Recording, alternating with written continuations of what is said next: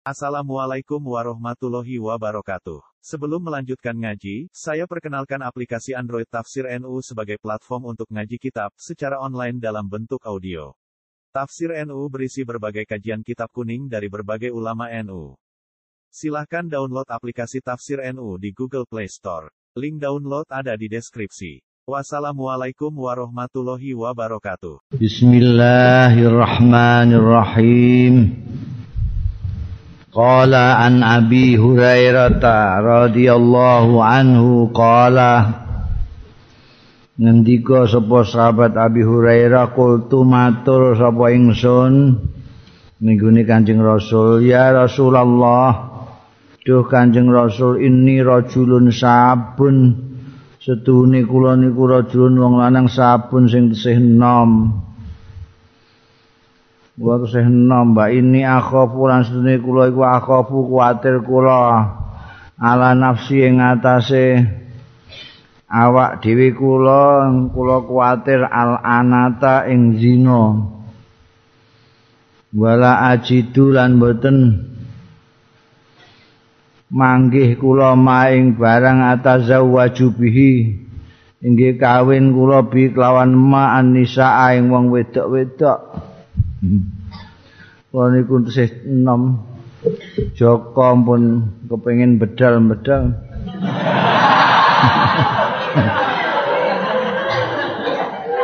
Tapi boten gadah napa-napa. Sing iki kawin napa wong sarang mok siji tok. Apa Abu Hurairah itu tak rake tunawisma tak dalem ae ra duwe manggone ning masjid to. Niki sepundi niki. Kawin boten gadah biaya. Niki pun ngeten. Kula kuwatir makin jatuh ke lembah perzinaan. Aku matur ngono kok pasakata. Kendel sapa Kanjeng Rasul sallallahu alaihi wasallam. Ani saking ingsun. Sumakul tu moko keri-keri matul sapa ingsun misla zalika ing umpamane mengkono mau. Menawa ora mireng nawa tak balenane. Ini rajulun sab Kanjeng Nabi.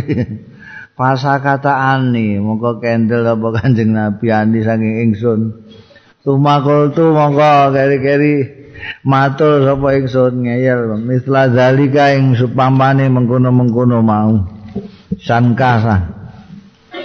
Pakolan Nabi mongko dawuh sapa Kanjeng Nabi sallallahu alaihi wasallam. Ya Abu Hurairah ya Abu Hurairah Jafa al-qalamu. Wis garing apa al-qalamu pena wis gak iso nulis neh. Bima kelawan barang anta kang utawi sira iku laking ketemu Jadi wis ora iso. Men catetane kowe ngono kuwi. Ora iso diwaine wong mangsine garing tambahi burera terus di duit terus kawin. Kau ya iso wis kadung. Hmm. Nah terus pundi ya? Fantasi ae kowe kebiri ae kowe nek pancen wedi. Ala zalika utawa ing atase mengkono mau au auzal utawa tinggal sira. Wis ora usah nglamun-nglamun kepengin ku ya wis. Oh nek gelem kowe ya dikebiri ben gak kepengin anu. Nek ora ya wis meneng ae. Ake sakala ngapura. Ana Aisyah radhiyallahu anha qalat ngendika sapa Siti Aisyah taqalan Nabi mlebet sapa Kanjeng Nabi sallallahu alaihi wasallam. Ala Doba'at binti Zubair. Ing Doba'ah binti Zubair faqala lah mau dawuh sapa Kanjeng Nabi. Lah marang Doba'ah. La alaki aratil hajja kaya-kaya menawa-menawa sira wadon iku arati ngarepake sira al-haja ing haji Qalat mongko matur sapa wadon.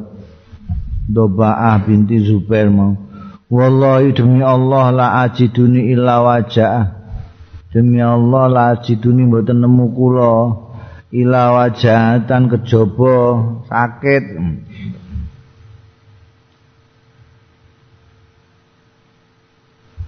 kula niki kok mboten gadah hambatan napa-napa nek kaji nggih saged ora sakit kula niki. Fakola mongko dawuh sapa Rasulullah sallallahu alaihi wasallam laha marang duba doba binti Zubair mau Huji haji sira wastariti lan nyaratana sira nyarati sepundi? Wa kuli ngucap sira Allahumma Allahumma du Gusti mahili khaitsu habastani panggenan halal kula mangke tahalul kula niku khaitsu habastani sekirane nahan panjenengan ning kula. Artine nek Gusti Allah maringi ra iso apa-apa mergo larane ya wis ning kono aku. Wis ora ihram tahallul. Wa kanat ana sapa? Doba'a binti Zubair iku tahtal Migdad ana ning ngisor artine garwane Migdad bin Al Aswad ya dadi durung karuan nek lara terus ning gone kono nek mari piye? Kaji mari. Ya luwung dian mangke kula nek anu ya lara ya leren gampang. Kadang-kadang pancen keajaiban haji luar biasa. Ben rombongane Allah yarham Kiai Khalil iku ana wong sing tuwa sing lara. Lorone ning pasar numpak pesawat terbang. Numpak pesawat terbang tim dokternya ndak saya ndak bisa tanggung jawab ini kalau pergi ini sakitnya keras ya. Wah itu padahal ambek bojone bojone nangis ae ku nangis dulu Kiai Khalil iku. Sepundi Masuk kula berangkat ya mbak yi Ting lanang sing lara Ya, tim dokternya dirembuki main muni ngono ae. Saya ndak tanggung jawab, berangkat ya berangkat aja tapi saya ndak tanggung jawab. Kiai Khalil, ya sudah saya yang tanggung jawab. Nuwekat kendel, engko sakake ndelok bojone iki ngangkat. Mangkat tekan kono sehat. Insyaallah. An Jabir bin Abdullah saking Jabir bin Abdullah kala ngendika sapa Jabir kana ana sapa Nabi Kanjeng Nabi ana iku yakrahu ora demen Kanjeng Nabi ayat ya rajul alau yen to nekani sapa rajul wong lanang alau ing wargane rajul turu kon tengah wengi ndodok-ndodok tengah wengi Kanjeng Nabi gak suka Dewe engko nek duwe bojo barang engko mulai dalu-dalu ndodok-ndodok bojomu kaget. Hmm. Agen. Teko ya sore apa ngono, eh. Pemeneh kok teko ning omah jam 3. Nah. Bang. Iku nek poso-poso ya pas iku wayahe sahur. Nek ora poso iku ayo ganggu keluargane. An Ibnu Abbasin ngono barangku Kanjeng Nabi ku ngandani ngandani insyaallah. An Ibnu Abbasin sang Ibnu Abbas radhiyallahu anhuma Anna zauja Barirah ta setune bojone Barirah kana ana sapa bojone Barirah iku abdan budak Barirah iki ya budak juga iku khadame Siti Aisyah ini. Adame Siti Aisyah iki jenenge Barira. Nah, bojone iku Abdan. Yuqalu lahu diundang lahu kedue Zauju Barirah Mughithun jenenge Mughith. Karena Abdan itu tegese mbiyene budak. Lah wis kawin Barirah. Kaani ninga kaya-kaya stune ingsun iku anduru ningali sapa ingsun ilahi marang zauj barira yatufu ingkang mubeng-mubeng khalfaha ana ing burine barira yapki kale nangis badumuhu kale utawi. Air matane muhis tasil iku dileweran ala lihyati ing atase jenggote. Wong wis jenggot nangis. Air matane menetes-netes di jenggot itu karena tergila-gila mbek Bariroh itu nangis ning diae Bariroh diturno gurine karo nangis. Akolan Nabi. Monggo dawuh sapa Nabi Kanjeng Nabi sallallahu alaihi wasallam. Lil Abbasi maring Al Abbas ramane Ibnu Abbas pamane Kanjeng Nabi. Ya Abbas Ya Abbas ala takjab. Ana ta ora gawok ora heran ora takjub sampean min hubbi mughizin saking cintane mughis barira ta ing barira. Wa min budi barirata lan saking guwetinge barirah muhisan ing muhis iku sampean apa gak heran? Lah lah masyaallah. Ana wong kok sintane ngantek kaya ngono ana wong gedhinge kok ya kaya ngono. Sing lanang cintane ngantekan ngetutno ayat tufu kan kaya tawap ngono ngetutno. Ditut tutno mbek nangis terus ya sing ditutno acuh tak acuh ngono ning barira delok apa ono? Masyaallah cinta kaya mukis. Apa ono? Benci kaya barira ngono.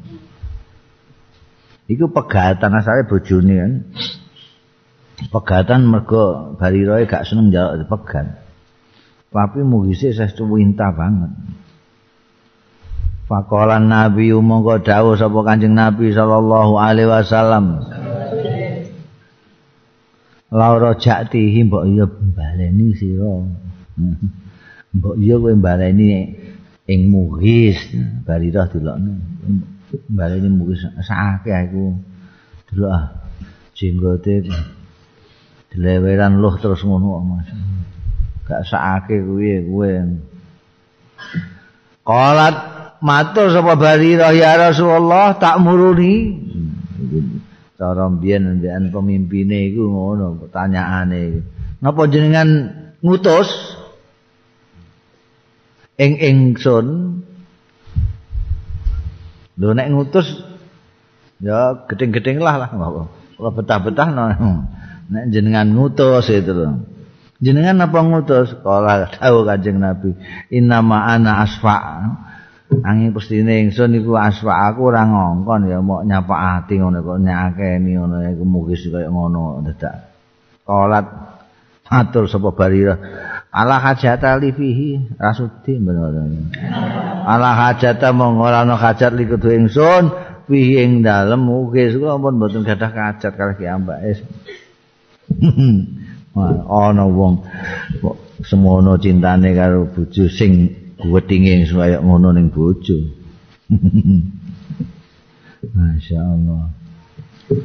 Mane kowe golek bojo sing ora gedeng karo kowe. Ngono ya. Hmm. Enak pundi? Are tiang sing seneng kula napa kula sing seneng ki ambake? sing sing apik ya padha seneng. Nek milih salah sijine apik sing nyenengi kowe. Hmm. Mergo kowe terus posisimu di atas. Hmm. Seneng aku ya kudu ngene, kudu ngene ngono. Nek kowe sing seneng, kowe sing di an. Kowe ya ngene. Gak enak nek seneng disenengi kan enak. An Umar bin Khattab radhiyallahu taala anhu anan nabiyya sedune Kanjeng Nabi sallallahu alaihi wasallam. Kana ana sapa kanjeng nabi? Kana ana ya biu nabi ada sapa kanjeng nabi? Ada nakhla bani nadhiring kurma bani nadhir nek tamar iku buahe nakhlun iku wite. Nek kene klopo kabeh wite ya klopo klopone ya klopo dadi rada bingungi menek klopo klopo bunder mbok penek lho ning arep gak gak gak bingung. Gak ana wong menek tamar gak ana. Menek ya nakal. Mangan mangan tamar itu. Ini repot wayah bisulan nyimpen sapa Kanjeng Rasul li ahlihi kanggo keluargane Kanjeng Nabi kuta sanatihim. Ing kute setaune ahli. Di Bani Nazir itu ngene wong-wong Yahudi sing ditaklukno karo orang Islam tanpa peperangan karena mereka ya ngeri mek Kanjeng Nabi ngono wae di menyerah dengan menyerahkan kebun-kebune kurma kuwi ning Kanjeng Rasul sallallahu alaihi wasallam. Nah itu dari kebun itulah Kanjeng Nabi itu membiayai keluarganya. Anil Aswad bin Yazid saking Aswad bin Yazid radhiyallahu anhu kala ngendika sapa Aswad saat tu Aisyah ta nyuwun pirsa sapa ingsun. Ai asata ing Sayyidatina Aisyah. Makanan nabiyu. Takon makanan nabiyu ing apa kana ana sapa nabiyu sallallahu alaihi wasallam ya malu bekerja sapa Kanjeng Rasul fil bait ing dalem-dalem. Nek teng dalem ngoten niku Kanjeng Nabi niku lah napa mawon? Iki ana wong Aswad bin Yazid nyuwun pirsa karo garwane Kanjeng Nabi Siti Aisyah. Wayahe teng dalem ngoten niku Kanjeng Nabi niku lah napa Faqalat mongkon jawab sapa Siti Aisyah kana ana sapa Kanjeng Nabi ku fi mihnati ahli ing dalem pekerjaane keluargane. Faida sami al adzan mongko tatkalane mireng Kanjeng Rasul al adzan ing adzan kharaja mongko lagi miyos sapa Kanjeng Rasul. Jadi nek neng dalem kanjeng Nabi ya pekerjaan rumah lah, pekerjaan keluargane, kadang-kadang ngewangi ning pawong, kadang-kadang ya resik-resik. Kanjeng Nabi ku ndondomi terumpae dhewe sing suwek. Didondomi dhewe kanjeng Nabi. Ora kaya wong lanang saiki nek ora karuan apa-apa bojone apa-apa bojone. Mbah-mbah katoke dhewe bojone mbah sarong bojone apa iku nek anjing nabi ora. Semuanya dilakukan kanjeng nabi. Mbah-mbah mbah-mbah dhewe ngono melok bantu-bantu keluargane malah. Kok nek kumadzan lagi miyos iku masjid ning di luar rumah sedikit itu Ananasin saking sahabat Anas kala ngendika sapa Anas kala dawuh sapa Nabi Kanjeng Nabi sallallahu alaihi wasallam. Udhkuru nutura sira ismallah ya asmani Gusti Allah wal yakul kulo rajulin mimma yali.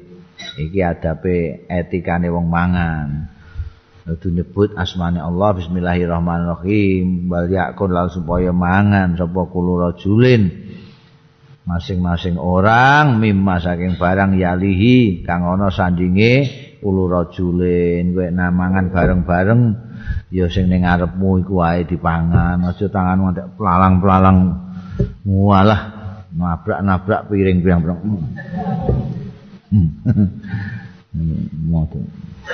Jai jai iku iku ndok iku no masyaallah. Nah, etikane sing diajarno Kanjeng Nabi ning kono iku sing mbok ning ngarepmu.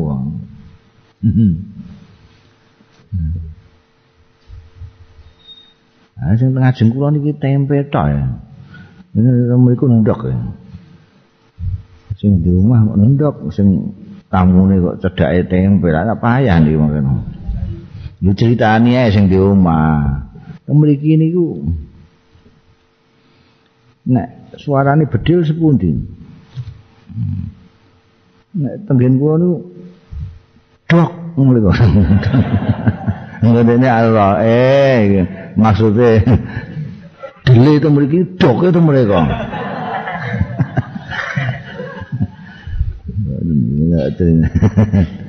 Anjing Nabi ngatur ngadean carane mangan barang ya, etikanya makan. An Amir ibn Sa'ad Nabi qala qala Rasulullah sallallahu alaihi wasallam Man tasabbaha kulla yaumin sab'ata maratin ajwatin lam yadurru fi dzalikal yaum summun wala sihrun sayange ning kene gak ono. Man tasabbaha sapane wong sing sarapan ya man kulla yaumin ing setiap harine sarapan sab'ata maratin ing pitu pira-pira tamal buah kurma ajwatin ing jenenge ajwa. Ana jenis ajwa.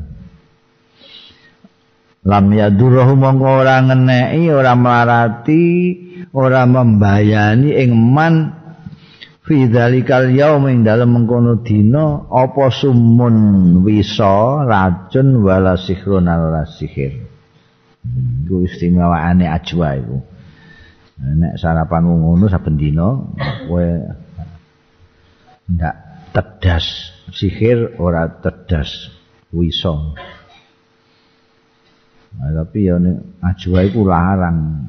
Dadi ning Mekah kono ning Madinah iku nek kowe muni njaluk ajwa ngono dijikukno ning ngisor ngono. Rupane ireng cilik ora abang. Wong Indonesia kadang-kadang ngarani kurma nabi. Ngono dicilik regane larang kurma-kurma biasa murah ajwa itu larang paling murah itu 50 real. 50 real sak kilo Ya sing liyane wongso 10 real ngono wis kasil. Anib ni Abbasin, kowe nek titip wong kaji ya titip duwe, sakake nek mbok titipi orang kaya duwe. Bangkrut ini. Anib ni Abbasin sang Ibni Abbas radhiyallahu anhuma anan Nabi astune Kanjeng Nabi sallallahu alaihi wasallam Kala ngendika Kanjeng Nabi, akala ahadukum nalikane dahar sapa ahadukum salah siji ro kabeh to aman ing panganan. Palayam sahyadahu aja ngusapi sapa ahadukum yadahu ing tangane ahadukum hatta yal aqwa sehingga ngeleti sapa ahadukum ha ing yadahu auyul ikau utawa ngongkon ngeleti hmm. sapa akadukum ing yada artine gak mbok gelem ngeleti dhewe ya kon ngeleti kancamu ya lho wah nek biyen Kanjeng Nabi antri, wah antri. Ngeleti masyaallah. Ngeleti mbek orang ngeleti kan tergantung wonge sapa mbek sapa ngono. Hmm. Mbek bojone dhewe mosok gak gelem ngeleti. Kan. Jae dek keleti tangan iki. Niati itbak Kanjeng Nabi untuk ganjaran. Padahal bar mangan cumi-cumi. Masyaallah. Amise ra karuan kon ngleti. Ane kanjeng Nabi dari kurma ane sithik ngono. Ora pati kotor. Mangan ngene masyaallah. Wambel terong jambelan masyaallah. Tangane guwe pae ngono. Ngleti dhewe gak resik. Kon ngleti kancane. Iku soalnya sing ning iku barokah, barokah itu kleti. Tapi kowe nek kowe ning omah, ning warung ning gone tempat umum ya aja ngono. Oh, ketua anjunan apa ya?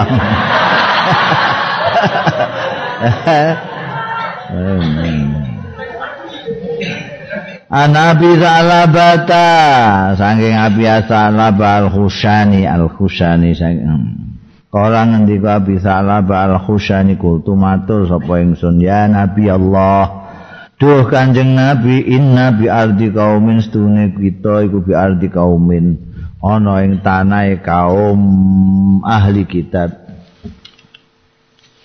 Ahli kitab niku tenggene anu jare teng Amerika mboten ahli kitab kabeh.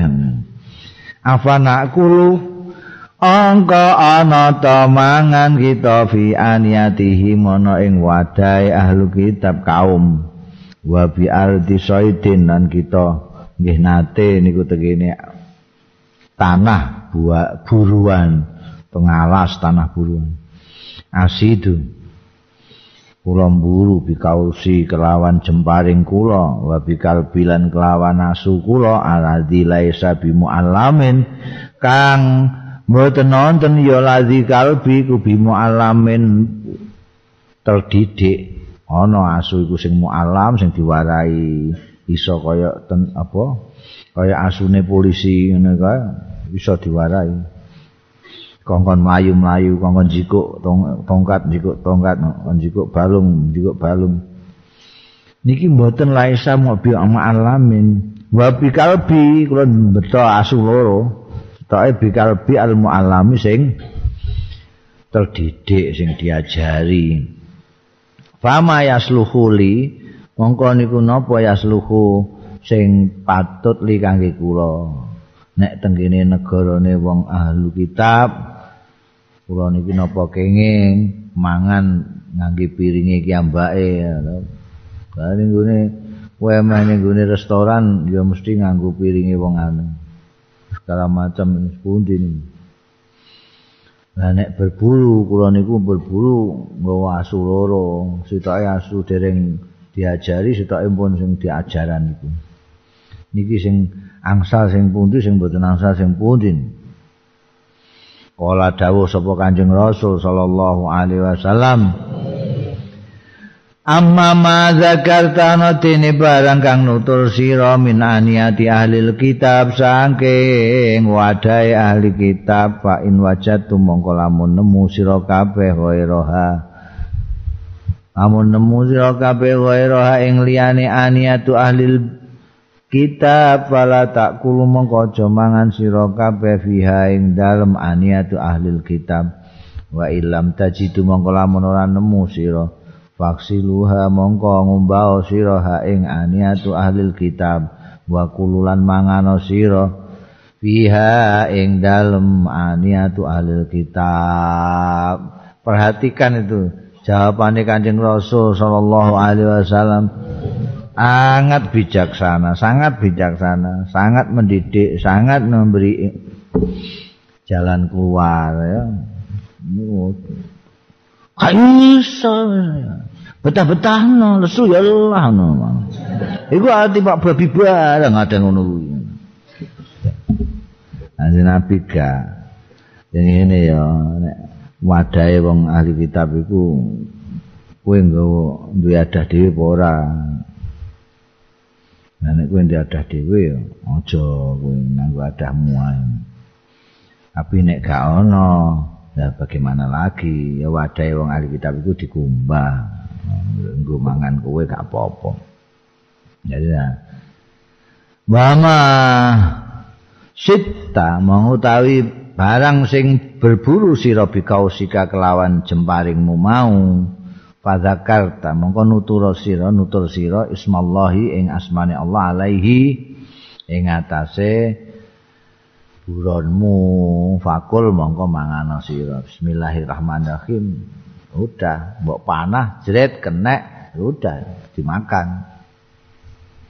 Wa masitta bikal bika ana dene barang. Wa mau barang sita kang berburu sira bikal bika kelawan asumu al muallim al muallami sing wis diajari pada karta ismallah menutur sira ismallah ing asmani Gusti Allah alaihi ing atase masita fakul mongko mangano sira. Oh nah iku pancen asumu sing asu belajaran iku mau ya udah. Angger kowe buronmu iku wacana bismillahirrahmanirrahim. Sudah halal itu. Wa masita bikal bika. Ana dene buron sing mburu sira bikal bika kelawan asumu sing ghairil muallam sing ora mbok ajari sing gak pelajaran. Pak adrokta mongko nututi sira zakatahu ing nyembelih masita pakul mongko mangano sira dadi apa jenenge buruan itu ditangkep karo asumu sing ora asu buron angger kowe iso nututi terus mbok sembelih buroanmu itu kijang apa e, kelinci sempat mbok sembelih ya enggak apa-apa makan lah.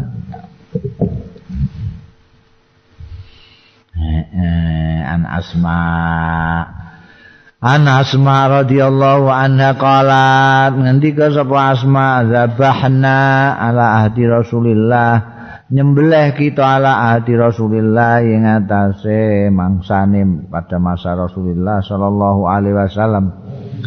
Nyembelih farosan ing jaran. Wana nutai kita bil Madinah ana ing Madinah fakalnahu mongko ndahar kita hu ing faros jadi jaran itu kenek buat pangan ya. saiki malah lagi tren payu kuan kuda sumba hmm. untuk obat kuat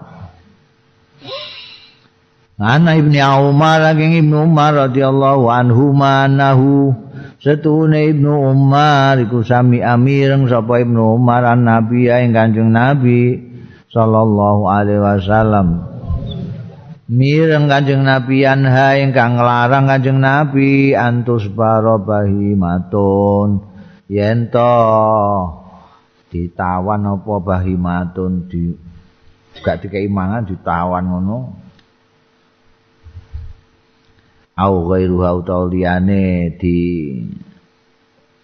tawan jadi ini gini Arab itu istilah kewan masburo kewan masburo ada sing kewan mu taman masburo itu ya itu ditahan nggak dikai apa-apa. Engko terus disembelih iku. Dari empuk apa dagingnya jadi piye. Iku cara-cara Arab. Mulane mbah dikonokno mbah au ghairu au taliyane ana sing diombeni banyu barang ngono iki lil qatli kanggo dipateni Ono sing eh, dadi nek arep nyembelih ya nyembelih ngono ae aja di model-model lah. Aja ditahan sik supaya ngempukno daging jarene. Utawa dicacel-cacel buntut buntute tok mbok ketok, mbok sate. Wah, nyiksa jenenge.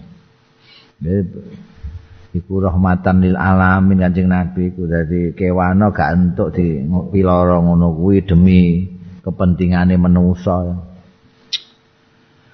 An Jabir bin Abdullah radhiyallahu anhu maqala ngendika sapa Jabir nahan Nabi nglarang sapa Kanjeng Nabi sallallahu alaihi wasallam yaum Khaibar ana ing dinane Khaibar perang Khaibar nglarang an luhumil luhumuri saking daging-daging kledhe gak boleh daging kledhe wingi nane kae kon guling ngono kok anune kwaline wa khasalan memberi kemurahan sapa Kanjeng Rasul filuhumil khaili ing dalem daging-daging jaran jaran pareng nek keledhe atau khimar gak boleh khimar rumahan iku ya. Nek khimar hutan boleh. Khimar liar. Alasan. An Abi Sa'labah sing Abi Sa'labah Al-Khushani radhiyallahu anhu kala ngendika sapa Kanjeng Nabi nan Nabi nglarang sapa Kanjeng Nabi sallallahu alaihi wasallam an akli kulli dzinabin saking mangan saben-saben kang duweni siung minasibai saking satu gala macan singa asu ajak serigala beruang gak oleh kabeh iku. Duwe siung An Abdullah bin Abbasin anna Rasulullah sallallahu alaihi wasallam Mara liwat Kanjeng Nabi bisatin kelawan wedhus maitatin kang wis mati. Pakola mongko dawuh Kanjeng Nabi, "Halas tam tak tumbi ihabia wa iya ngalap duka sira bi ihabia kelawan memanfaatkan sira kabeh bi ihabia kelawan lulange syat." Kulite syat. Kalu padha matur ya sahabat-sahabat innaha maitatun setuhune satun niku maitatun pun batang Kanjeng Nabi. Pakola mongko dawuh Kanjeng Nabi nama haruma angin pestine haram apa akluha mangane. Yang dilarang ora mangane, mangan batang gak oleh iku. Kulite ora mbok pangan kok. Disamak. Nek dimanfaatno disamak dienggo apa tah apa. Nah iku dadi perkara makanan halal apa haram itu nek cara Al-Qur'an mok sithik banget. Itu kemudian Anjing Nabi Muhammad sallallahu alaihi wasallam sing memerinci. Tapi dibandingno karo sing haram, sing halal jauh lebih banyak. Jadi liyane sing haram kabeh halal. Mulane aku gawok kok MUI ku kok gawe label kok label halal. Kok gak label haram. Hmm, haram ku wis sithik dadi ora kakean penggawean kan ngeki label haram. Iki haram, iki haram, haram. Liyane halal. Lalu enak. Label halal kan terus pirang-pirang penggawean iki, template iki, template kesel. Aruma akluha. An Maimunata anna fa'ratan saking Maimunah anna fa'ratan Maimunah bintil Haris. Iku garwane Kanjeng Nabi anna fa'rata setuhune dadi paling ora Sayyidatina ngono ya. Nek ora gelem Sayyidatina ya Siti Siti itu cekaan saka Sayyidati. Ana fa'rata setuhune tikus waqa'a ceblok ya tikus wisamnin. Ing dalem samin pamatat mongko matek ya Fa'rah Pasuila mongko disuni pirsa sapa Nabi Kanjeng Nabi sallallahu alaihi wasallam anha tentang Fa'rah niku mau. Pakola mongko dawuh Kanjeng Nabi alkuha buang sira ing Fa'rah wa ma lan barang kang ana kiwa tengene Fa'rah wa kuluhu lan mangano sira ing samin. Kan ora kabeh. Jiko butute cekel tret nah buak kiwa tengene sing mau kena tikus mau dibuak liyane dipangan. Ora apa-apa. Anil Barra saking Al Barra radhiyallahu anhu. Kala dawu sapa al-Barra kala dawu sapa Kanjeng Nabi sallallahu alaihi wasallam. Inna awwala ma nabda'u setune kawitane barang nabda'u kang miwiti sapa kita bi kelawan ma fi yaumina ing dalem dina iki. Fi yaumina hadza ing dalem dina iki. Iku nusolli sembahyang kita. Gini-gini bodoh idul adha maksudnya pas Idul Adha ini apa yang harus kita lakukan pertama kali di hari Idul Adha? Yang pertama-tama kita nusolli. Sholat Idul Adha. Tuma narji'u mongko kari-kari bali kita panan haru mongko nyembelih kita. Ya wedhus apa sapi ya apa Jadi carane kudu ngono sembahyang sik lagi korban. man fa'ala usapane wong sing nindakake ya man hu ing ngene iki awalu manabda ubi hadza summa narji'u wa nanhar dadi fa'ala man fa'ala usapane wong sing nindakake ya man hu ing mazkur ngene mau fakat asoba mongko teman-teman beneri sapa man sunnatana ing sunnah kita. Dadi nek pas Idul Adha kok kowe sembayang sik bar sembayang Idul Adha terus lagi mulai nyembelih wedhusmu iku mengikuti sunnahnya Rasulullah sallallahu alaihi wasallam. Tapi nek waman utawi sapane wong zabaka sing nyembelih koblu sadurunge salat bareng mau. Dadi ah engko ben kae bar sembayang karek mangane cah. Tak sembelih sik. Wa manda sapane sembelih koblu sadurunge salat. Fa inna ma huwa angin pestine huwa ya sembelihane iku lahmun merupakan daging qaddamahu sing mempersembahkan yaman hu ing lahem li ahli kanggo keluargane. Kanggo keluargane man Laisa minan nusuk ora ana iku minan nusuk termasuk korban termasuk ibadah nusuk fisaiin ning apa-apa. Aku korban ya. Korban apa wedhus? Kapan tak nyembelih? Mau sak durunge sembayang ya gak iso. Gak iso. Nah jenenge korban iku kudu nyembelih sak wise salat. Nek sak durunge salat ya biasa kowe mayoran dhewe mbek anu keluargamu ngono ae. Nyembelih wedhus. nggak ada hubungannya karo ibadah korban. Ana Aisyah ta saking Siti Aisyah radhiyallahu anha anan Nabi astune Kanjeng Nabi sallallahu alaihi wasallam. Dakhala alaiha man mabet ya Kanjeng Nabi alaiha ing atase Siti Aisyah wa hadat lan men sapa Siti Aisyah bisarifin ana ing sarif. Sarif itu daerah di luar kota Mekah. Qobla antat khula Makkah ta sak durunge yen to mlebet ya Siti Aisyah Makkah ta ing Makkah nek Madinah arep ning Mekah itu sebelum masuk Mekah ada kota namanya Sarif itu ada tempat namanya Sarif di situ itu Siti Aisyah bulanan M. Sarif mlebu Mekah M. Wahya utawi Siti Aisyah iku tapki nangis Siti Aisyah. Mas ado-ado kan kene kok em. Pakola mengko ndangu sapa Kanjeng Rasul sallallahu alaihi wasallam malaki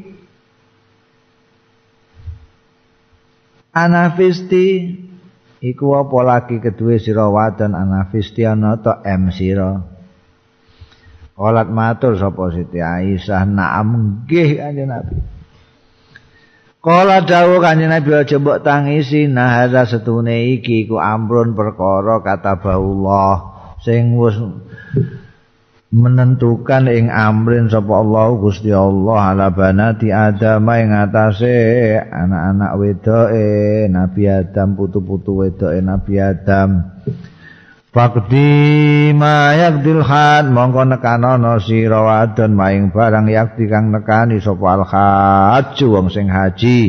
Ghaira Allah tatufi mung wae yen ora tawab sira wadon bil baiti ana ing baitullah. Wis lakon kabeh. Aku ning Arafah ning dindi tapi aja tawaf anggere ora tawaf menang Falam makun nabi muna, falam makuna bareng ana kita kabeh bimina ana ing mina. Mina itu sak sakwise Arafah itu ya, dadi kene Mekah kon muter ngono. Arafah nggon wukufe terus mlaku melewati Musdalifah. Musdalifah nginep terus tekan Mina. Nek mbok terus rene engko tekan Mekah neh. Nah, ning Mina iku ata itu uti itu bareng ning Mina. Mina iku pekerjaane wong haji nek ning Mina pekerjaane balang jumroh karo nyembelih atur-atur apa dam apa korban. Ya wise apa jenenge wukuf ning gone Arafah iku ning Mina, Yaumun Nahl jenenge. Hari penyembelian kewan-kewan korban. Bareng tekan nggone Mina utitu ditekani sapa ingsun dipanu diaturi lah bilahmi bakarin kelawan daging sapi. Wah ning kono iku ning Mina masyaallah nek musim haji daging pokoke mblokek-mblokek kowe. Daging iku tak arat-arat kadang-kadang ada gak dipangan ning dalan-dalan iku sempol pirang-pirang masyaallah Wakultu monggo.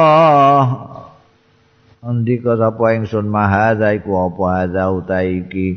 Iki apa? Iki ana daging sapi iki apa? Kalu padha jawab sapa wong-wong. Doha korban sapa Rasulullah Kanjeng Rasul sallallahu alaihi wasallam an azwajihi saking garwa garwane Kanjeng Rasul bil bakori kelawan sapi. Kanjeng Nabi korban sapi. Korban tas nama istri-istrinya. Jadi korban itu nek ngono kena di sing sing korban melok mangan kena. Jadi kor, daging korban itu sepertelon dihadiahno sepertelon disedekahno pertelon dinggo dhewe oleh. Ngono ya. Bedane apa sedekah mbek sedekah? Sedekah iku diwehno sing fakir miskin. Nek hadiah iku pikir cek ora niku diparingi. Biasane kiai-kiai zaman kuno iku sing fakir miskin diadai dikirimno mentahan daging-daging-daging itu. Langko sing sepertelon iku dimasak terus diundangno wong-wong. Sing kira-kira nek disedekahi ra pantas tapi perlu untuk bisa bersama-sama bergembira dalam hari Id. Mulane iki terus diteri Anjing Nabi nyembelih ning gone ana panggonane dhewe ning gone Mina iku tempat nyembelih. Wah, semacam ning kono kowe meh golek unta sing piyae sapi sing piyae wedhus sing kaya apa ae anek kabeh. Karek mbok didingi regane semene terus serahno jagale sembelih jret. apa iki dibedheti apa ora mbok serahno ndekne apa mbok godhe muleh niku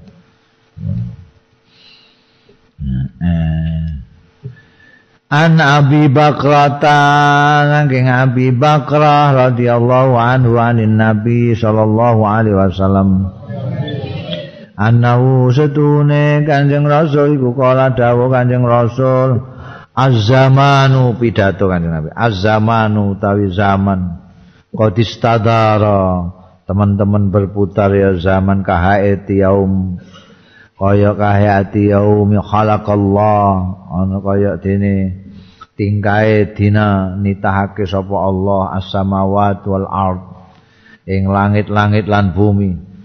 As-sanatu tawi setahun iku isna asyara syahron iku rolas wulan. Minha iku setengah saking isna asyar syahron arbaatun hurum patang wulan sing suci-suci. Salasun telu saka sing papat suci iki mutawaliyatun nuli-nuli. Ya kuwi dzulqa'dah wa dzulhijjah wal muharram. Iki nuli-nuli langsung dzulqa'dah dzulqa'dah selo besar sura nek cara Jawa. Cara anu Zulqa'dah Zulhijjah Muharram sing keempat warob jabu mudhar. Wong Arab ngarani rajab iku ora rajab tok tapi rajabu mudhar. Kena apa di idofahno ning gone suku Mudor, mergo suku Mudor iku sing paling fanatik ning gone kesuciane bulan Rajab. Nggone bulan Dzulhijjah, Muharram barang dene saya kadang-kadang gelem perang, tapi nek Rajab blas ora gelem. Mane Rajab disebut Rajab Mudor. Alladzi baina Jamad wa Sya'ban sing antarane Jumadil akhir Rajab luah. Jumati iki Jumati lahir maksudnya. Wa Sa'ban lan Sa'ban. Rajab di tengah-tengah Jumati lahir dengan Sa'ban. Iki dawai Kanjeng Nabi ayu syahrin hadza? Utawi apa wulan hadza iki? Iku wulan apa hadza utawi iki? Ngono ya kena iki wulan apa? Kulna matur sapa kita? Allah wa rasuluhu a'lam. Tai Gusti Allah lan utusane Gusti Allah niku a'lamu langkung pirsa. Mestine sahabat ya pirsa cuma biasanya kanjeng Nabi nek ndangu ngono kuwi ada sesuatu ini hanya mukaddimah dari pembicaraan sebersta itu. Karena itu tidak berani mereka jawab. Nanti aja-aja beda karo kesane Kanjeng Nabi. Mulane lebih andap asor kalau mereka jawab Allahu wa rasuluhu a'lam. Gusti Allah lan utusanipun ingkang langkung pirsa Kanjeng Rasul. Dadak Kanjeng Nabi fasa kata, kendel Kanjeng Nabi. Kata donanna sehingga nyono sapa kita ana ustune Kanjeng Nabi ku sayu samihi bakal ngarani Kanjeng Nabi ing sahar iku bi ismihi kelawan liyane asmane sahar. Kita ngantek kuwatir iki kok kok meneng suwi iki ngundang nyebute beda iki. Kala dawuh Kanjeng Nabi, "Alaisa Zulhijjah." Hmm, kari-kari bener. ana ta ora ana iki iku alaisa dzul hijjah ana ta ora ana iku wulan iki dzul hijjah apa dzul hijjah ngono. Ya rak dzul hijjah leh nek cara rembang ngono leh. Rak dzul hijjah leh kulna jawab para sahabat-sahabat bala inggih anjing rasul dzul hijjah waya kaji Kala dawuh Kanjeng Nabi, "Ayu baladun hadza?" Iku iki negeri ndi hadza utawi iki? Iki negeri apa iki? Ya saudara kabeh iki negeri apa? Tapi matur kulna matur kita. Allahu ta Gusti Allah wa Rasuluhu lan utusane Allah iku alamu ingkang langkung pirsa. Pasakata muka kendel Kanjeng Nabi hatta donanna sehingga menyono sapa kita ana ustune Kanjeng Nabi sayu bakal ngarani Kanjeng Nabi ing balat iki diarani bi ismihi kelawan liyane asmane balat dadaan kala ngendika Kanjeng Nabi alaisal baladata ana ta ora ana balat iki iku al baldata iki rak baldah to iki baldah iku jeneng nama lain dari Makkah Dulu-dulu namanya Balda terus Makkah. Bakah juga. Macam-macam jenenge Bakah Makkah. Ini jenenge Baladul Balda. Negerinya negeri. Itu Mekah. Lah iki Balda to, kulna matur kita. Bala inggih kan. Fa ayu yaumin hadza? Mongko iku dina apa iku? Kulna matur kita Allah wa Rasuluhu alam Utai Gusti Allah lan utusane Gusti Allah iku alamu langkung pirsa pasakata muka kendel Kanjeng Rasul hatta dzananna sehingga ngira kita anaus tune Kanjeng Rasul sayu samih bakal ngarani Kanjeng Nabi. Ing yaum bi ismi kelawan liyane jenenge yaum. Kala ngendika Kanjeng Nabi Alaisa yauman nakhra? Ana ta ora ana dina iki. Iku yauman nakhri dina nakhr. Iki dina nakhr to Kulna bala. Matur kita kabeh bala. Inje kanjeng Nabi. Wah itu ternyata benar kanjeng Nabi ameh ngendikan itu hanya mukadimah saja. Fa inna dima'akum. Moko setuhune darah-darah ira kabeh. Wa amwalakum lan bondo-bondo ira kabeh. Kala Muhammad iki kayak kurung buka ya. Kala Muhammad ngendika sapa Muhammad maksudnya Muhammad bin Sirin. Ya, Muhammad bin Sirin yang yang mendapat dari Abu Bakra tabiin. Abu Bakra kan sahabat. Jadi kita lewat Imam Bukhari, Imam Bukhari lewat Muhammad bin Sirin, Muhammad bin Sirin lewat Abi Bakrah gitu. Ngendika sapa Muhammad bin Sirin wa ahsabuhu lan ngira sapa ingsun ing Kanjeng Nabi kala ingkang ngendika Kanjeng Nabi juga wa a'radakum. Jadi ora mok dima'akum wa amwalakum tapi saya rasa juga mengatakan wa a'radakum. lan kehormatan kehormatan ira kabeh jadi terus wa inna dima'akum wa amwalakum wa a'radakum alaikum. Ing atase sira kabeh iku haramun haram. Ora kena gete dialirkan semena-mena bondone dicikuk semena-mena haram. Kahurmati yaumikum hadza. Kaya kehormatane dina ira kabeh. Hadza fi baladikum ing dalem negerimu. Hadza iki fi syahrikum ing dalem wulan ira iki. Bandul Hijjah. Jadi ku kanjeng Nabi pidato di tanah haram Di bulan haram ya Di hari haram. Maka momentum itu dijadikan untuk nasihati wong supaya tidak menghalalkan dima, menghalalkan amwal dan iki tambahane kehormatan. Itu dijaga kehormatan semua itu. Fasatal kauna rabbakum bakal nemoni sira kabeh rabbakum ing pangeranira kabeh.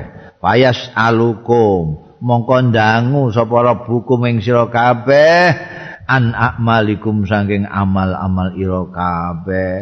Kowe bakal ketemu pangeranmu lan didangu tentang amal-amal perbuatanmu. Ala pala tarji'u ba'di dollalan dullalan eling-eling aja do balik sira kabeh bakti sawise aku ora ana kok. Do nangis kabeh ana kata-kata bakti barang ngono iku. Kanjeng Nabi kok pidato kok dahsate ngene. Aja do balik engko bakti sawise aku dolalan sasar-sasar kabeh dalam keadaan sasar-sasar kabeh. Saiki wis untuk pituduh kabeh engko ndang gak ana aku terus sasar Ya ba'dukum ya dribu ba'dukum riqaba ba'din. Terus menghantam apa ba'dukum sebagian sira kabeh riqaba ba'din ing gulune sebagian yang lain. Kok kaya ramalan. Bar Kanjeng Nabi ora ana wong-wong Islam terus do sasar kabeh. Doan teman-teman dhewe antarane padha-padha wong Islam. Yadribu ba'dukum riqaba ba'din tenan. Sing dikuatirno Kanjeng Rasul sallallahu alaihi wasallam terjadi pada umat ala eling-eling liyuballigh syahid liyuballigh supaya nyampeake sapa asyahidu wong sing nyekseni dina iki. Nyampeake al-ghaibah iki tukang percetakan iki lha apa tangane gradil ngarokati barang iku. Mangsane aku gak ngerti nahwu nabi liuballigh syahid al ghalib al ghaib sing ora hadir. Sing hadir nyampe apa sing tak dawuhno iki ning sing ora hadir. Fala Allah ba'daman mbok menawa-menawa sebagian wong yablughu sing sampe ing ba'duman ayakuna yen to ana iya. Ba'duman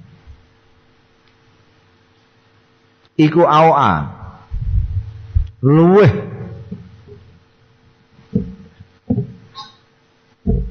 luweh madai artine luweh menyadari luweh luweh hafal luweh njaga lahu marang dawuh kumang mimba diman tinimbange sebagian wong sami ahu sing krungu ya man ing dawuh. Mulane supaya sing saiki nyekseni iki nyampekno. Boleh jadi bisa saja sing ora teko dikandani karo sing teko iku malah sing dikandani ngguri iki luwih njaga dawuhku timbangane sing ngandani. Si A melok ngrungokno Kanjeng Rasul ning gone pidato iki disampaikno ning B sing ora hadir iki seringkali kadang-kadang si B iki justru lebih nanjem lebih ingat dawuh iku timbangane si A. Ini dawuh Kanjeng Nabi. Suma kala mongko keri-keri dawuh Kanjeng Nabi hal balaghtu hal balaghtu ini tanggung jawab Kanjeng Nabi hal balaghtu ana ta wis nyampekno sapa ingsun? Aku wis nyampekno to marota ini ambar kaping setiap kali orang-orang mengatakan ini nggih kanjeng Nabi. Sampun nyampe akan jenengan kanjeng Nabi. Kita sedaya nyekseni kanjeng Nabi. Ini sebagai tanggung jawab seorang utusan Allah Ta'ala. Apakah apa yang diperintahkan Allah untuk disampaikan kepada umat sudah disampaikan apa belum? Anjing Nabi minta persaksiannya umat apakah saya sudah menyampaikan? Apa yang harus saya sampaikan? An Aliyin radhiyallahu anhu saking Sayyidina Ali radhiyallahu anhu annahu setuhune. Sayyidina Ali ku atarawuh sapa kan Sayyidina Ali ala babir rahabah. Ana ing lawange halaman. Halaman ning nggone Kufah. Mergo Sayyidina Ali mbiyen ning Kufah Kufah itu ning daerah sebelah selatan Irak saiki mbah potongane kaya apa ning ya Allah Zaman aku rono iku indah sekali itu Kufah itu. Hmm. Kan Sayyidina Ali. salat subuh. Sayyidina Ali mara ning halaman Rahbah bimain kelawan ngasta banyu. Fasaliba mongko ngunjuk sapa Sayyidina Ali kok iman hale? Jumeneng. Jumeneng kudu. Faqala mongko ngendika sapa Sayyidina Ali inna nasan setune wong-wong iku yakrahu. Ora seneng gedeng sapa akaduhum salah sijine nas. Ayas roba yen to ngombe sapa akadum bahwa kale utahi akadum iku kok imun ngadeg wa inilan setune ingsun itu ningali sapa ingsun annabi ya ing kanjeng nabi sallallahu alaihi wasallam tak tingali faala ingkang nindakake kanjeng rasul kamar aitu muni kaya dene ningali sira kabeh ingsun saiki ngunjuk karo ngadeg. Ra itu muni fa'altu nindakake sapa ingsun. Sayyidina Ali itu kan ulama. Dan saiki kok ya kiyaine, kiyaine sahabat Sayyidina Ali. Nanti ngantek dingendikake Kanjeng Nabi Hana Madinatul Ilmi wa aliyun babuha ngalim. Sebagai orang alim mempunyai tanggung jawab untuk meluruskan ketika beredar berita bahwa orang tidak mau minum sambil berdiri. Disangka itu dilarang tidak boleh. Maka si Tena Ali sengaja malah karo berdiri ngunjuk. Untuk meluruskan bahwa larangan larangan minum sambil berdiri itu bukan larangan dalam pengertian haram. Mergo pancen ana hadis liya sing ndawuhke Kanjeng Nabi nyegah wong iku munjuk dengan berdiri. Mane terus ulama-ulama jadi berbeda pendapat mengenai bagaimana sih sak ngombe karo ngadeg iku oleh apa ora. Nek ndelok iki jelas oleh. Jelas. Mulane Imam Syafi'i juga ndikakno nek oleh ngombe karo ngadeg kuwi. Lah ana sing kandha jarene hadis Sayyidina Ali iki dinasah karo hadis sing nglarang wong ngombe karo ngadeg. Ora bener. Mergo nasah itu kalau tidak bisa digabungkan. Karena hadis dua ini yang pengertiannya bertentangan kelihatannya itu bisa digabungkan. Jadi yang larang di sana itu diartikan ya rapik ngono ae. Lah sing iki hadis Sayyidina Ali diartikan boleh. Boleh. Jadi ora apa-apa. Ora apa-apa. Jadi nek ana mubalek-mubalek ngombe ning dhuwur podium ya gak apa-apa. Ngono ngadeg iku. Hmm. kadang-kadang gak gelem balik dikai ngombe gak gelem. Mergo ya iku engko kuwatir nek haram. Mergo gak gak tau tumon hadis Sayyidina Ali iki. Hmm, nek tumon kabeh ya ngadeg ya gelem linggih ya gelem. Enake ngerti akeh rak ngono kuwi. Imbangane ngerti sithik. Sing kaco iku nek ngerti sithik terus pentantang petenteng. ngamuk ning kono ana ngadeg ngombe ngadeg terus diwamuk. Potonganmu lu gak ngerti. Kali-kali ana hadis iki. Ana ya. An Nabi Hurairah radhiyallahu anhu qala ngola ngendika sapa Abu Hurairah nah nglarang sapa Nabi Kanjeng Nabi sallallahu alaihi wasallam anisur bisa ke ngunjuk min famis siqa isangking. Cangkeme kendi. Aku iki kanthi sikok iku wal girbati lan girba jadi tempat minum lah tempat minum. Nek girba itu kadang-kadang wong Arab itu apa jenenge? Wedhus iku aku ndelok nyembelih wong wedhus wedhus disembelih iku ora kok terus dicentelno terus disiset-siset enggak. Ditaleni. Nggon sikil-sikile taleni terus dibolongi suwebul melendung gitu melendung terus diantemi puk puk puk puk puk. Engko terus di larik iku iso metu dagingnya surut terus lulange melompong melompong lah iku mbekan Wong Arab iku sing bagian sikil papat ditaleni kabeh dijehno sing bagian gulu. Bagian gulu iki mulutnya girbah itu. Oh, isa ini banyu barang itu tidak dicentelno ning gone truk. Nek biyen ya dicentelno ning gone unta. Kena angin itu semua adem banget. Ngomben-ngomben. Nah, Lah nek sing jenenge kendi itu ora kaya kendi kene. Kendi kene ana cucuke barang. Ana gulune sing mbok cekel iku gulu. Ana cucuke sing dienggo ngombe. Nek ning ngene kono gulu tok ambekan cangkem. Lah iki gak bareng mbek Kanjeng Nabi nek ngombe terus langsung ngono kuwi. Nek cara kene biyen aja dicucup ngono nek ngombe gak oleh dicucup nglonggo saiki wis gak usum wong ngombe. Apa jenenge? Ngombe nganggo kendi arang-arang wis gak ana. Nek mbiyen niku anggere omah ngarepe iku ana kendine telu mbah papat ngono. Disediakno kanggo wong liwat-liwat iku nek ngorong terus ngombe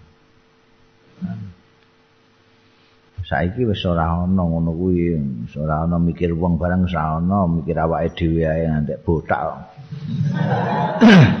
Ora ana mikir. Padahal ini bagus ini budaya kita itu. Budaya kendi kendi itu kan kok tanah.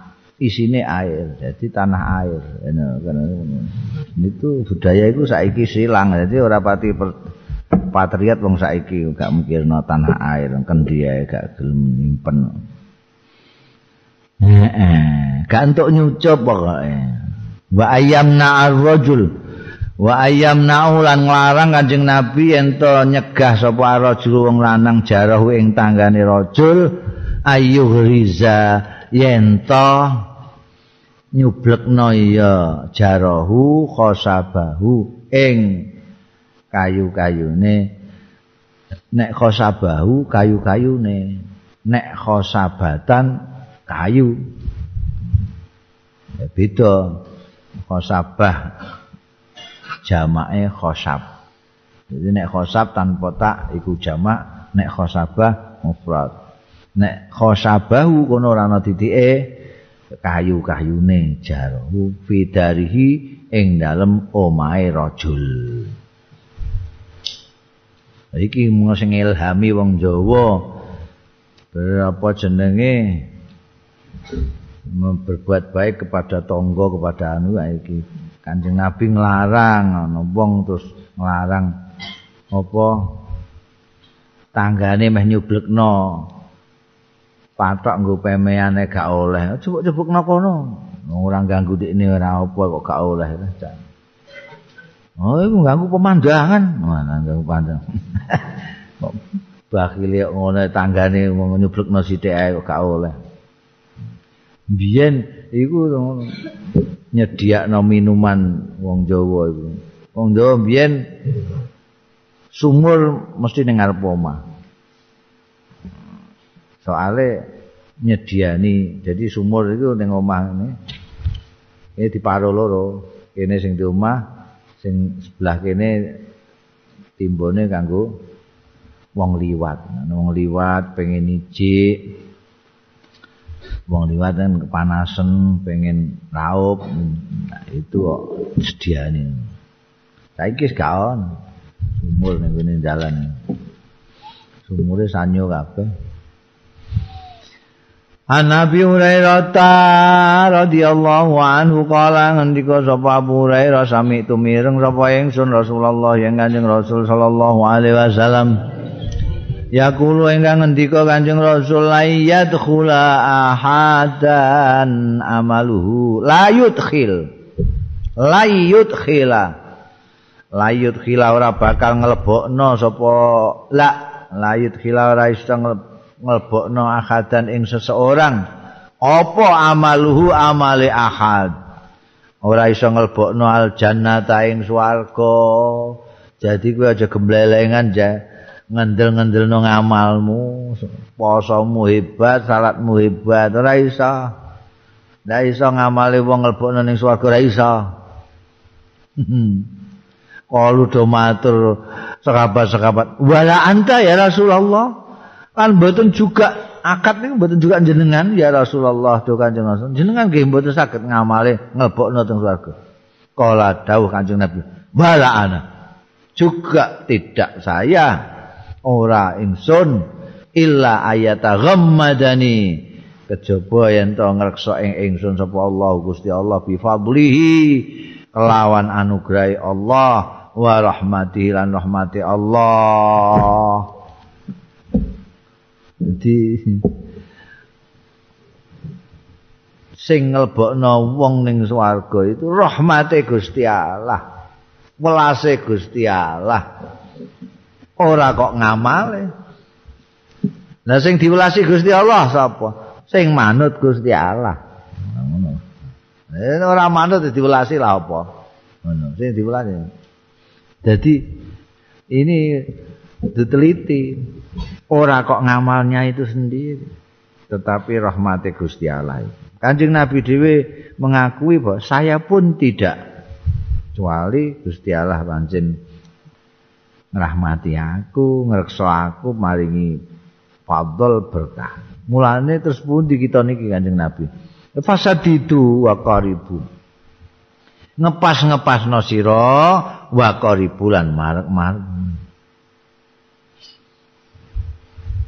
incer nek iso ya pasno tengah nek ora ya parek-parek ngono lah kowe gak iso pas betul dengan sing dikesake ya parek-parek. Nah ya, aja sama, sama sama sekali kowe ora ngepas-ngepas. Kita itu wajibane ngepas-ngepas. Walat yatamannayan na ahadukum lan aja mengharap temenan sapa ahadukum salah siji ro kabeh al mauta ing mati. Gusti mbok pejahi mawon kula aja. Keng napa? Imma muhsinan ana kalane ana sapa ahadukum iku muhsinan itu sing gawe bagus Fala Allahu mbok menawa-menawa hadukum iku ayas dada yen to tambah-tambah ya ahadukum khairan ing baguse. Wa imma musian ana kalane ana hadukum iku musian gawe Allah. Fala Allahu mbok menawa-menawa ahadukum iku ayas tak tiba yen to njaluk ridho Gusti Allah alias tobat. Kowe aja ngarep-ngarep mati. mergo kowe gak ngerti umpamane kowe apik sapa ngerti umurmu yang kesana itu menambah-nambah kebaikanmu aku lo elek nek elek sapa ngerti nek kowe dikai umur panjang terus kowe tobat ning gone Gusti Allah nek mbok angen-angen dadi mulane jalukan niku njaluk supaya tetep bisa nambah-nambah kebaikan kita. Iku dungane kok aslih lana dinana ladzi wa ismatu amrina iku warane Kanjeng Rasul. Wa aslih lana dunyana allati fiha ma'asuna wa aslih lana akhiratana allati ilaiha ma'aduna. Waj'alil hayata ziyadatan lana fi kulli khair. Waj'alil mauta rahatan lana min kulli syar. Kalau mati menghentikan kesusahan-kesusahan dan kejahatan-kejahatan seorang ya apa. Nah, nek terus orang mati tapi terus berbuat baik kan ya apik urip ngono.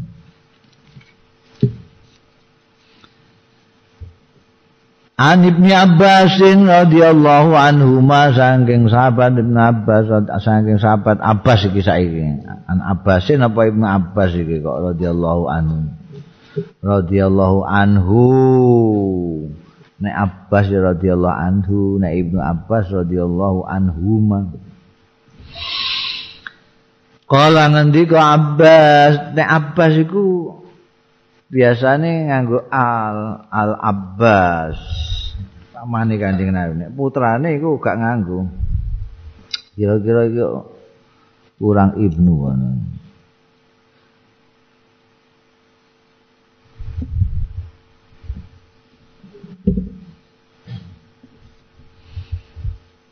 kira-kira mulane nek nulis ning kono ya ditulis la Allah sawab Ibnu Abbas ngono. Nah. Menawa-menawa kok. Mau dicek nang ngene Fathul Bari. Kala ngendika kala dawuh sapa Rasulullah sallallahu alaihi wasallam. Asyika asyifa fi thalathatin utawi kesembuhan iku fi salasate ning dalem telu. Wah iki saiki bape bab anu bab kesehatan iki. Asifa utawi kesembuhan iku fi salasate ning dalem telu. Nomor siji sarbati asalin omben-omben madu. Wasal toti mihjamin lan irisan utawa sayatane alat cantuk oh, cantuk kowe tau cantuk apa ora? Cantuk iku daging iku disilet. Sit sit sit. Tapi kudu kudu tukang cantuk nek gak tukang cantuk ya suwek kabeh iku. Anune iku latihane tukang cantuk iku nyilet kertas iku. Sit sit sit sit sit sit. Nek iki ketok nedase ketok tapi ora bolong. Wah itu berarti lulus sit sit sit sit, sit. mergo iku nek nyantuk iku ngono. Sirahmu dicukur sik. Rambutnya gak enak terus di sit sit sit sit, sit. di sartoh iku disayat-sayat terus di templeki karo alat penyedot itu sing tradisional mbiyen nganggo sungu. Ya nganggo sungu dibolongi. Sedot hmm. nemplek iku. Juabut wisine weteh getehmu sing kotor-kotor iku. Iku sartot di meja. Sing nomor telu wa kayatinarin saiki lagi tren meneh iki diuripno neh jaman kuno gak percaya mbekan apa pengobatan medis mbah piye. Saiki cantuk digawe nganggo plastik saiki ora nganggo apa ora nganggo sungu. Peso penyukur diganti silet. Wa kayatinar iki cos nganggo geni cos. Dadi pupum iku gak mari-mari laramu obongno wesi terus cosno cos! Iku saiki diuripno nae padahal iku mbiyen wis ana sing nglarang barang iku cas kadang-kadang sing tukang cos iku sing ora-ora lorone apa dicos ae kabeh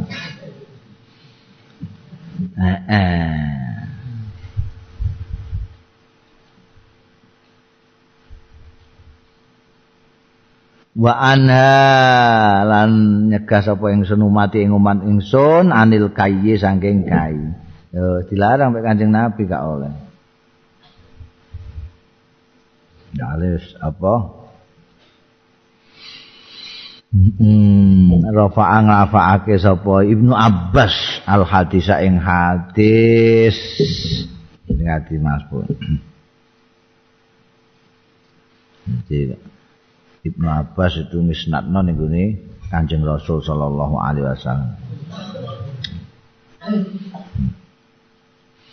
Madu. Jadi saiki loro arek cantuk karo Iku ana wong saiki kok murid-murid kayu nah iku mbah piye sekarang dilarang kok Kanjeng Nabi. An Ibnu Abi Hurairah kok An Ibnu Hurairah iki apa letak kesalahan cetak itu di sini. Ibnu niku mencolot rene. Ibnu sing ning dhuwur iku lho, mesine An Ibnu Abbasin mencolot ning kene. Dadi An Ibnu Abi Hurairah. Ana piye anak Abi Hurairah wong kawin ae orang. Emeh kawin gak njaluk Atbis Kanjeng Nabi wis kaso kongkon kebiren ngono kok.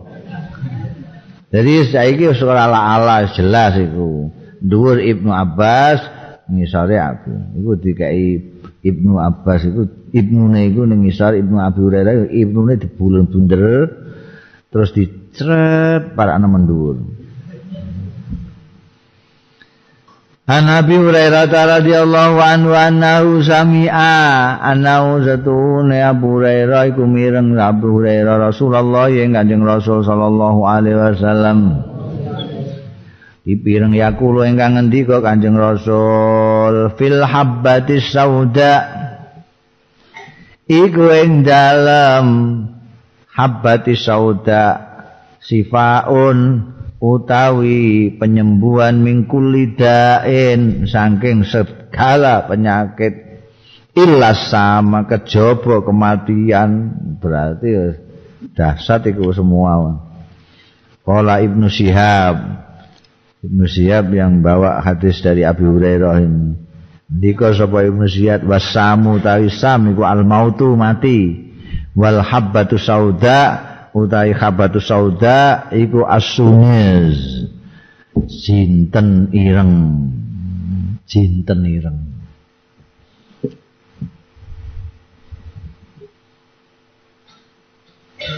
Mengandung banyak. Saiki setelah zaman ana laboratorium barang jadi wong-wong ku meriksakan habatus sauda itu periksakan ternyata memang mengandung banyak unsur-unsur yang menyembuhkan.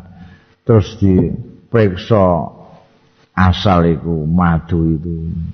Wareng ternyata memang apa yang kata Rasulullah sallallahu alaihi wasallam dari sisi medis memang benar. Terus ya kuwi terus tangan-tangan industri terus mulai digawe saiki obat-obatan yang terdiri dari habatus sauda ambekan madu beredar ning dindi ana sing rupa pil ana sing rupa cairan macam-macam ayu terus ditulisi bareng hadis kadang-kadang nggo mayokno iklan itu bil habbati sauda sifaun min kulli da'il lasam diterjemahno sih san Abadu sauda menyembuhkan penyakit kecuali mati. Ana sing dodol madu tok. Ambekan iku larang madu bloko-bloko iku dikai baju. Terus dikemas yang bagus terus didol. Ya. Madu itu sing paling bagus iku madu kurma ajwa. Madu itu kan tawon mangani kembang-kembang. Nek sing dipangan iku kembang klengkeng, engko madune madu klengkeng, rasane kayak klengkeng. Madu kapuk rasane kayak kapuk. Nah, nek madu iki mangane khusus bunga kurma kurma ajwa. Nah iku. Mu warange ra karuan. Takok ning gone nek ning gone Madinah iku ana bakul madu segala macam madu ini. Ana madu siji ku sing tak takokne gak dijawab. Ambekan sapa jeneng. Bakule gak jawab takokne. Aku mangkelku gak karuan. Lho, iki didol apa gak? Takok yuk. Ijeh meneng ae. Bareng aku ngeyel terus kan di kandang. Telung ewu real, kluyur-kluyur. Dene dari wis wis wis ngira iki wong iki wis kuat tuku takok-takok bareng. Hon, masyaallah. Iku nek tekan gone Indonesia ning ngampel Surabaya terus regane terus pirang yuta iku. Hmm. Masya Allah.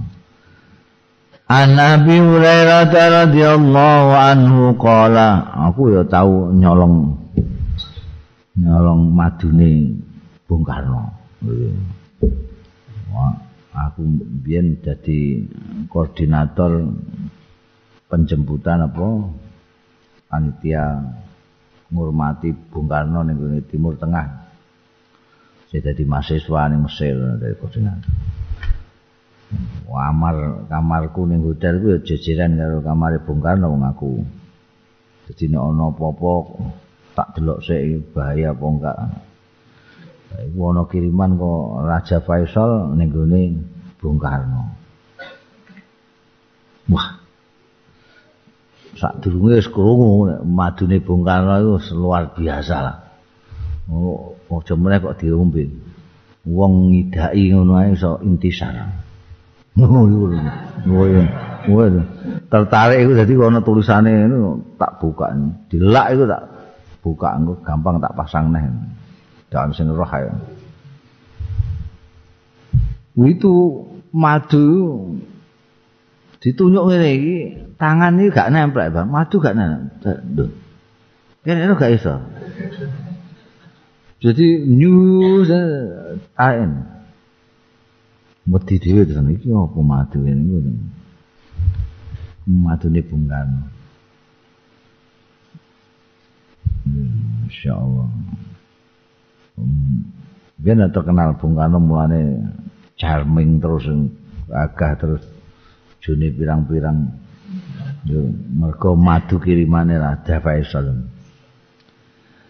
An Abi Hurairah radhiyallahu anhu qala ngendika sapa Abu Hurairah qala dawuh sapa Rasulullah sallallahu alaihi wasallam la adwa ora ana penularan penularan karepe dhewe. Nek Gusti Allah gak ngesakno nular ya ora nular.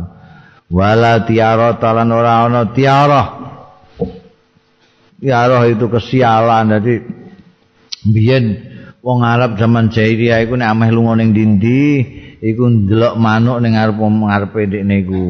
Manuk iki mlakune ning ndi? Nek manuk iku terus digusah melayu nengen wah mangkat ini sido berangkat. Tapi nek mbok gusah mlaku ngiwa balik cengkelak gak sido sial sial mulane aku tiarah apa ngono iku? Dadi kesialan. Wala hamata lan ora ana hama. Hama itu omo-omo yang apa ya? Omo yang meracun yang membawa racun.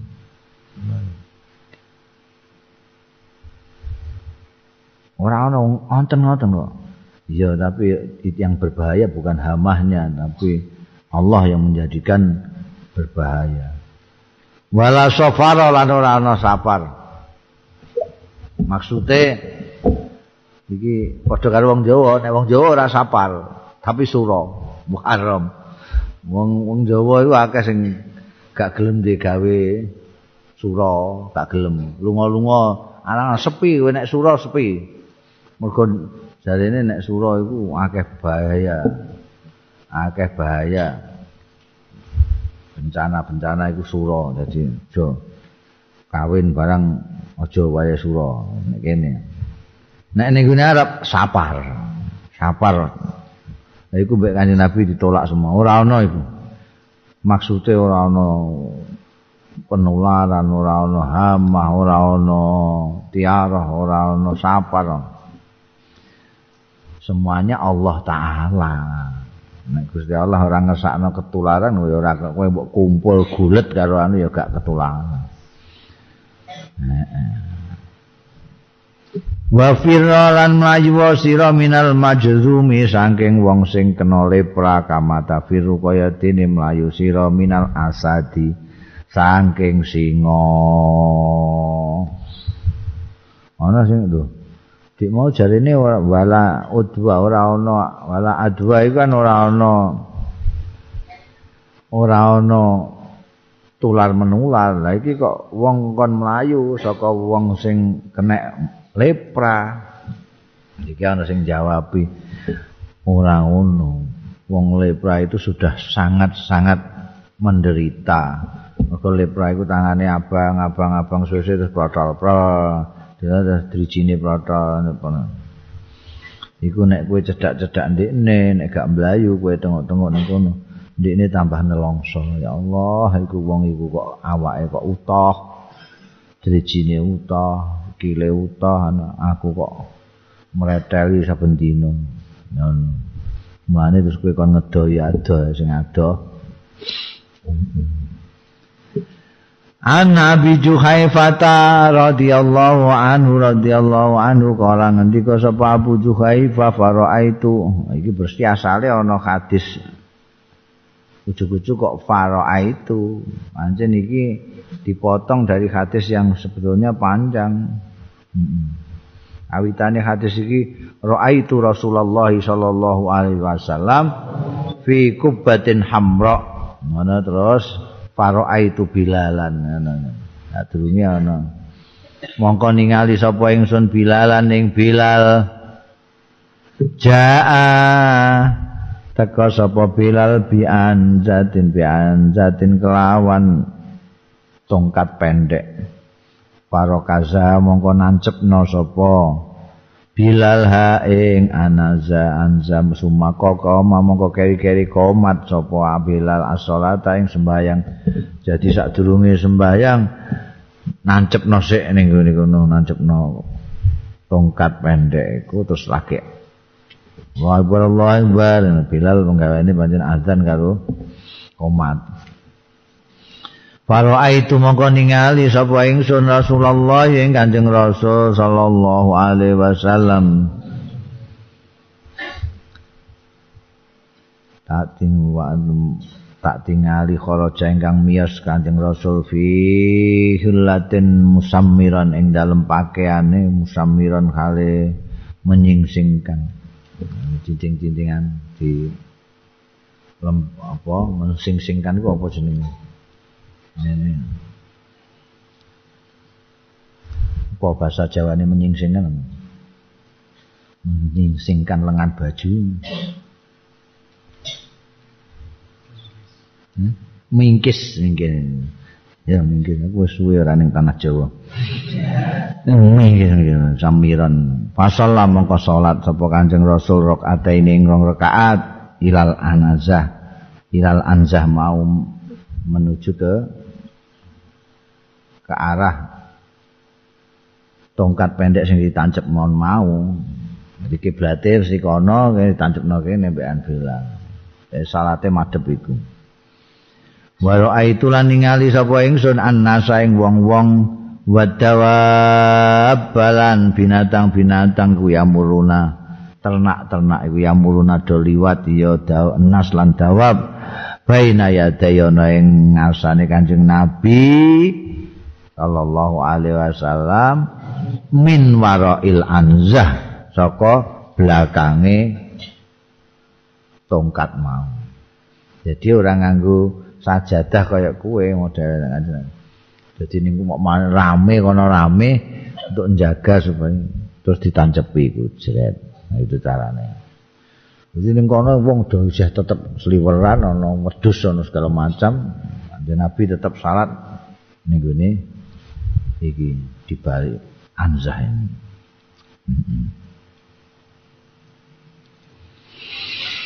An Uqbah ibni Amirin saking Uqbah bin Amir radhiyallahu anhu qala ngendika sapa Uqbah bin Amir uhdiya?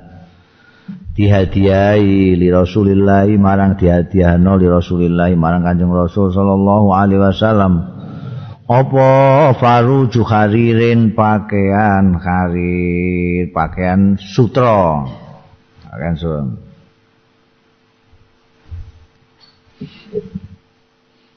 Jadi apa jenenge kaya pakaian luar itu wong Arab sing anu tapi kene ana bukaane iku. Kene ana bukaane.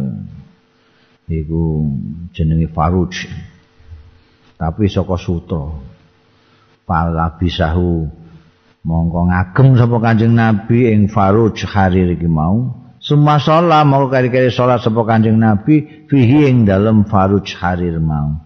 Suman sorofa mongko kari-kari lebaran sapa kanjeng Nabi fanazahu mongko nyopot sapa kanjeng Nabi hu ing faruj nas an sadidan kelawan nyopot sing buang kaya dibuang.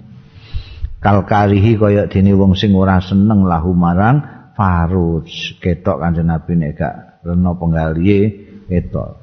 Dicopot dengan keras.